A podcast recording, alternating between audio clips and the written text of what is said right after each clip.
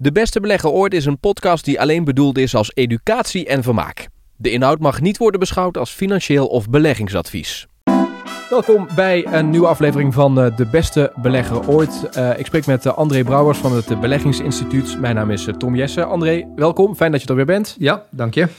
Thema van deze uitzending is, en dat zal veel mensen aanspreken en ook bekend in de oren klinken, beleggen is beslissen in onzekerheid. Waarom is dat zo? Nou ja, als je uh, nadenkt over wat, uh, wat je bij, bij, bij, beleggen doet, dan is het het nemen van een beslissing. Je beslist om iets te kopen of om iets te verkopen. Nou is het altijd fijn als je een beslissing neemt, dat je zeker weet dat je de goede beslissing neemt. Dat zou wel zo prettig zijn. Alleen is natuurlijk het vervelende bij beleggen dat je een beslissing neemt, bijvoorbeeld om een aandeel te kopen. En dat uh, de vraag, of de uitkomst van die, van die vraag, eigenlijk doe ik het goed, ja, die ligt ergens in de toekomst. En nou doen wij er natuurlijk van alles aan om maar zo goed mogelijk te kunnen inschatten wat de toekomst ons zal brengen. Maar in essentie is het natuurlijk zo dat niemand weet wat de toekomst ons brengt. Oftewel, je bent eigenlijk volledig overgeleverd aan een onzekere uitkomst van je beslissing. En um, menselijk is het dan om zoveel mogelijk um, houvast te gaan zoeken. Dus je ziet heel veel focus op rapporten, hè, analisten. Uh, mensen gaan zeggen ja, uh, komen met argumenten. Je wilt ja, eigenlijk, je kunt eigenlijk niet accepteren dat je een fout kunt maken, want je wilt graag dat het goed gaat. En als je dat niet begrijpt, dan kun je helemaal zeg maar, verzanden in het zoeken naar bevestigingen. En dat leidt weer tot allerlei andere problemen. Dat je eigenlijk niet meer objectief eh, bent. Dat je denkt, ja, maar ik heb toch dit en dit en dit. En dat is toch logisch dat dat en dat gaat gebeuren naar de toekomst toe. Maar als je nou reëel bent en je kijkt dus bijvoorbeeld vijf jaar terug of tien jaar terug, of vijftien jaar terug. En je zou de geschiedenis op, opdelen in blokjes van vijf jaar. En je zou kijken, wat is aan het begin van die vijf jaar nou de verwachting voor de komende vijf jaar? Nou, dan zul je versteld staan van hoe anders zeg maar, de toekomst zich heeft ontwikkeld ten opzichte van datgene wat professoren, analisten, deskundigen, economen die vijf jaar daarvoor verteld hadden. Dat is echt bizar. Dus ze bazelen maar wat?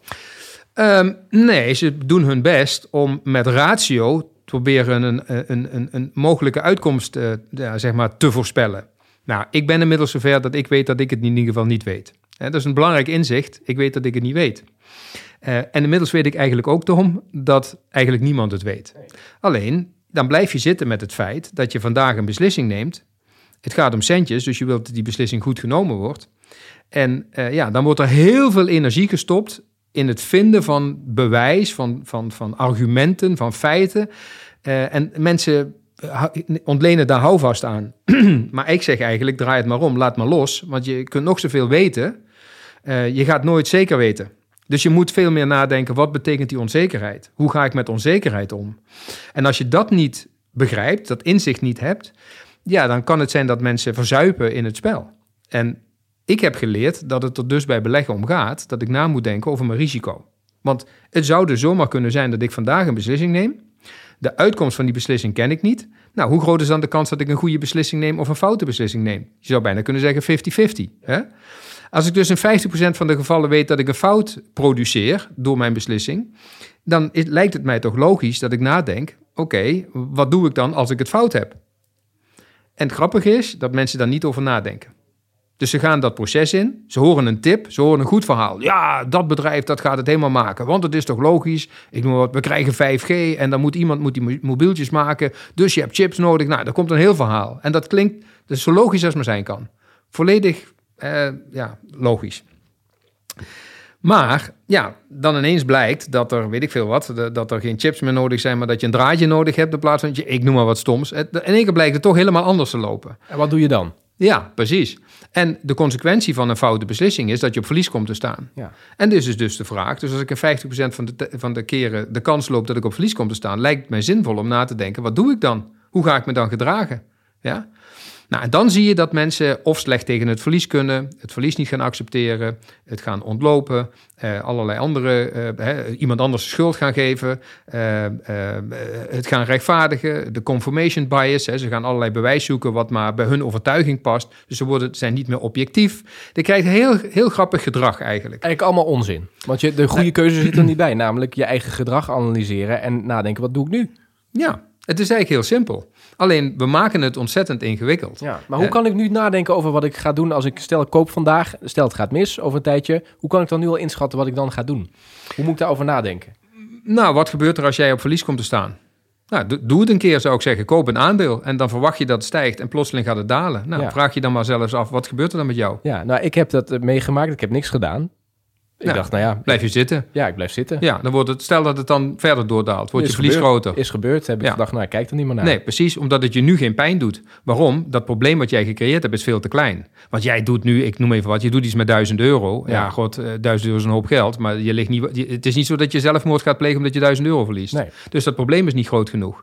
Maar als jij een vermogen hebt hè, en jij neemt de foute keuze en dit, van dit vermogen moet jij de rest van je leven eh, inkomsten eh, genereren en je maakt dan verkeerde keuzes en de impact is echt serieus, hè, dus dat, het, dat ik zeg, ja, nou kost het jou in één keer drie jaar salaris deze keuze, dan ga je niet zeggen, ik kijk er niet meer naar. Nee. Dat kan wel, kun je het negeren, Ja. maar die pijn komt terug. Ja, maar ik heb altijd geleerd, lange termijn. Misschien komt het wel goed. Ja, ja, eh, daar gaan we het ook nog een keer over hebben. Maar, maar op lange termijn voor jou is iets anders dan lange termijn voor mij. Ja. Want jij hebt een andere leeftijd. ja, maar wat is dan de keuze waar ik uit kan kiezen vooraf? Stel, ik moet nu kiezen, stel het gaat mis. Waar kan ik dan uit kiezen? Wat zijn de opties die ik heb? Ik kan uitstappen. Ja, Ik kan eh, blijven zitten. Ja. Zijn er nog andere opties? ja je kunt bijkopen. Bijkopen kan ook ja, nog. Kun, je, kun je ook nog. Ja. En je kunt eh, bijvoorbeeld risico's afdekken. En dat laatste lijkt mij het, eh, mij het meest voor de hand liggende. Maar dat doe je vooraf. Dat doe je Ja, niet op het moment dat exact. het misgaat. Exact. Dus ik maak een strategie, ik denk in scenario's. Hè, dus ik weet, oké, ik koop vandaag dit en dit aandeel. Mijn verwachting is dat het gaat stijgen. Maar stel dat het over een jaar 10%, 20%, 30%, 40%, 5% lager staat. Oké, hoeveel pijn wil ik dan hebben? Wat vind ik een acceptabele pijn? Als ik verwachting heb dat een aandeel 10, 20% stijgt, dan is de vraag: vind ik het dan acceptabel dat ik meer dan 10% verlies het komende jaar? Nou, ik vind dat niet acceptabel. Dus dan leg ik ergens een grens bij 10% verlies Ja. en dan dek ik mijn risico af. Dus als ik meer dan 10% verlies, ben ik beschermd. Dat kan namelijk. Ja, we hebben het in een eerdere podcast al een keer gehad over hoe je eigenlijk ja, je vermogen kunt verzekeren. Want daar hebben Ja. we het over. Ja. Ehm, voor de mensen die die aflevering niet hebben gehoord, even heel kort. Wat kun hoe kun je dat doen? Dat, dat verzekeren, dat, dat risico afdekken. Nou, er zijn instrumenten voor, beleggingsinstrumenten. Eh, in dit geval zijn er bijvoorbeeld opties. Eh, die opties zijn overigens al 400 jaar oud, want die zijn ooit door de VOC eh, in het leven geroepen. Toen ze scheepsladingen naar het Verre Oosten wilden verzekeren, kochten ze gewoon een verzekering op de scheepslading. Als jij op vakantie gaat, verzeker jij, heb je een vakantieverzekering voor een paar, pa- paar gekke koffers met een onderbroek en een zwembroek. Die wil je heel erg verzekeren. Nou, ik zeg dan, als je nou vermogen op de beurs eh, hebt, dan lijkt me ook verstandig dat je dat verzekert. Nou, dan koop je een bescherming in de vorm van bijvoorbeeld een put-optie. En die put-optie geeft jou het recht tot verkoop op een vooraf vastgestelde tijd. Nou, als jij zegt, ik wil een jaar lang zeker zijn. Stel, ik koop een aandeel op 25 euro en ik koop een verzekering op eh 23. Nou, tussen 25 en 23 zit 2 euro verlies. Dat is even, laten we zeggen, afgerond 10% risico. Dan betaal je voor die verzekering een euro. Dus dan heb je feitelijk het recht om 100 aandelen te verkopen op 23. Je hebt de aandelen gekocht op 25. Dan heb je 2 euro verlies als dat gebeurt. Wanneer ga jij die aandelen verkopen op 23? Niet als ze op 30 staan een jaar Nee. later. Want dan verkoop je ze liever op 30. Nee, als ze daaronder staan natuurlijk. Exact. Dus dan heb je eigenlijk die verzekering, die heb je niet nodig gehad. Maar je hebt wel een euro premie betaald. Ja. Dus die verzekering ben je kwijt. Die euro heb je, gaat ten laste van je rendement. Ja. Dus je hebt geen 5 euro winst op je aandeel, maar er moet nog een euro vanaf van de verzekering. Oké, oké. Hou je 4 euro over. Ja, Maar nu gaan we, nu gaan we tientje naar beneden toe binnen een jaar. Niemand verwacht dat, want iedereen verwacht een stijging, anders koop je het aandeel niet. Maar nu zakt het een tientje. ja. Dan, Dan zou je normaal 10 euro kwijt zijn. Juist.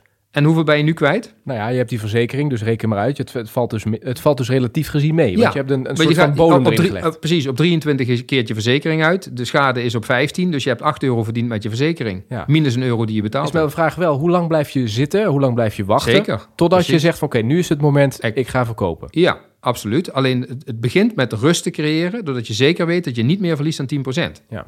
En dat komt omdat je het inzicht hebt dat je beleggen is beslissen onzekerheid. Dus je snapt, hé, hey, ik kan nog zoveel kennis hebben, nog zoveel ervaring, Ja. nog zoveel know-how.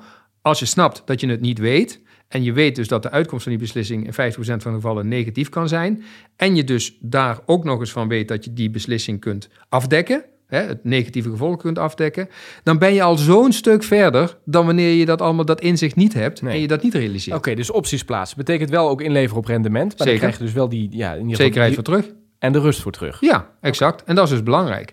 Want ja, jij hebt neem ik aan ook een huis. Heb je het verzekerd tegen brand?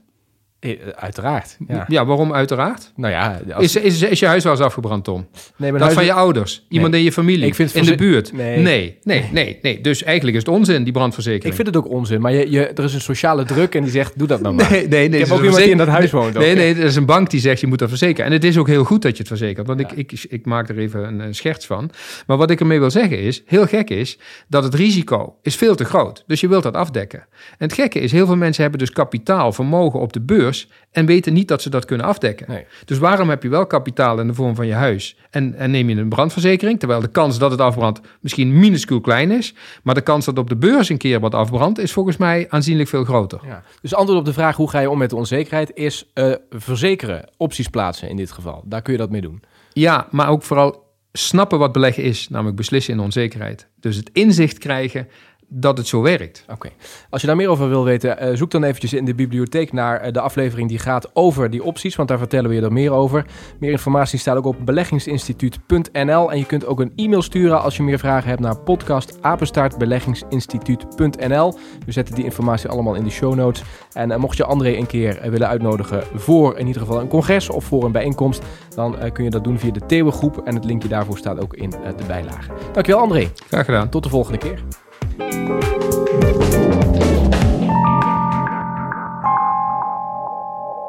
De Beste Belegger Ooit is een podcast die alleen bedoeld is als educatie en vermaak. De inhoud mag niet worden beschouwd als financieel of beleggingsadvies.